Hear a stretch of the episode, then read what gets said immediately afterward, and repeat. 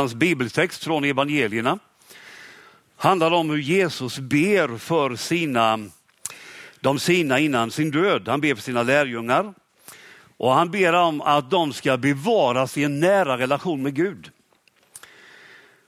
Och så ber Jesus när han samtalar med sin far i himlen, han ber så här, lyssna, en vers ur texten. Nu kommer jag till dig, men detta säger jag medan jag är i världen, för att de ska få min glädje helt och fullt. Jesus ber alltså att lärjungarna ska få glädje. Och när jag läste de orden om glädje i den här söndagens text, då tänkte jag, ja men predikan ska handla om glädje. Ibland kan man få för sig att det här med kristen tro och Jesus, att det saknar allt vad glädje heter.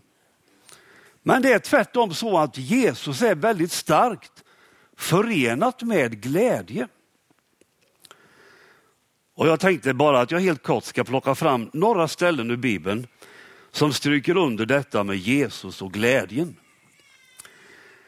I konfirmationen så har vi lärt oss att ordet evangelium betyder glädjebud.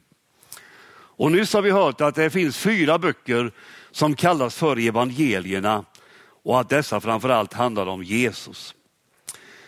När en av dem, Markus, ska skriva ner sin berättelse om Jesus, då börjar han med ordet evangelium där i första versen. Och I den svenska bibeln översätts det med ordet glädjebud. Så lyssna. Så här börjar Markus sin berättelse om Jesus. Här börjar glädjebudet om Jesus Kristus, Guds son. Så redan i första meningen så stryker Markus under Jesus handlar om glädje. Vi har också hört idag att Jesus föddes av Maria, en tonårstjej i staden Nasaret. När hon får besök av, av ängeln som berättar att hon ska föda Jesus, så är ängelns första ord till Maria, var hälsad du högt benådade. Var hälsad. Så jag lärt mig någonstans att de orden kan också översättas gläd dig. Gläd dig. Du ska föda Jesus. Även om Maria genom det uppdraget fick mycket kamp och vånda, så var det ett fantastiskt uppdrag hon fick. Det var djupast fråga om glädje. En glädje som bestod i att hon var utvald för detta enorma uppdrag. Detta med Jesus, det handlar om glädje. Vi går till berättelsen om Jesu födelse. De första som fick reda på detta, det var några herdar, enkla män. De som var längst ner på samhällsstegen. Det är klart att herdarna blev rädda när de såg ängeln. Men lyssna till vad ängeln säger. Han säger så här. Var inte rädda.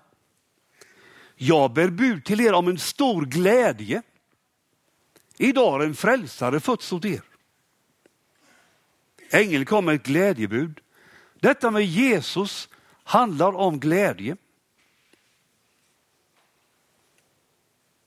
Jesus korsfästes och dog på långfredagen.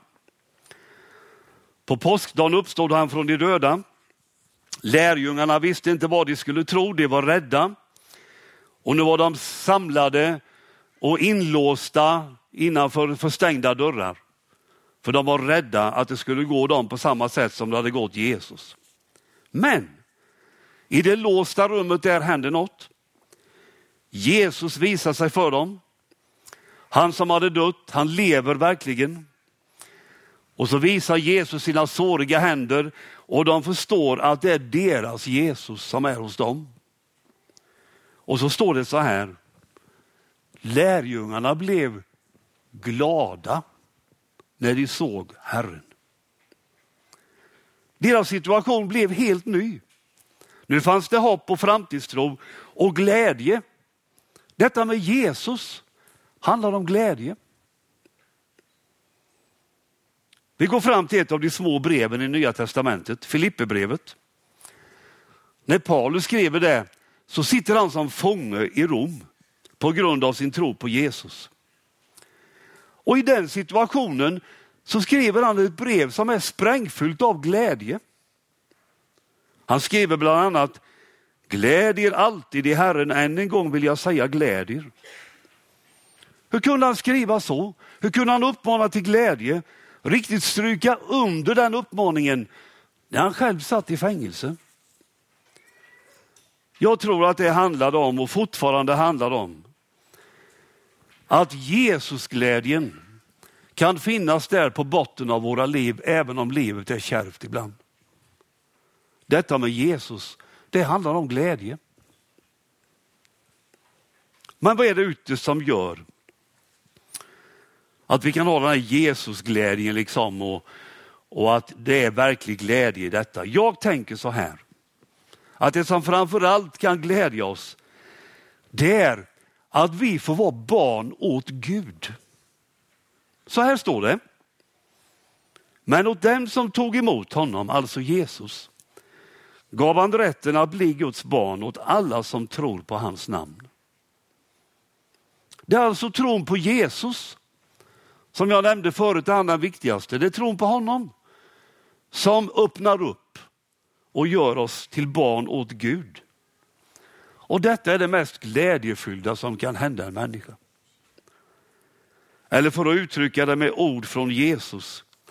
Gläd er över att era namn är upptecknade i himlen. Detta med Jesus handlar om glädje. Hörni. Sen är det så med att livet med Jesus, det går ju både upp och ner naturligtvis. Det är både ljusa och mörka dagar, det är det för alla. Och ibland innebär detta att vara lärjunge, det innebär lidande som för Paulus. Men det finns inget som kan ta ifrån oss den djupa glädjen att vara barn åt Gud. Det är den största och djupaste glädjen. Detta med Jesus, det handlar om glädje. Amen.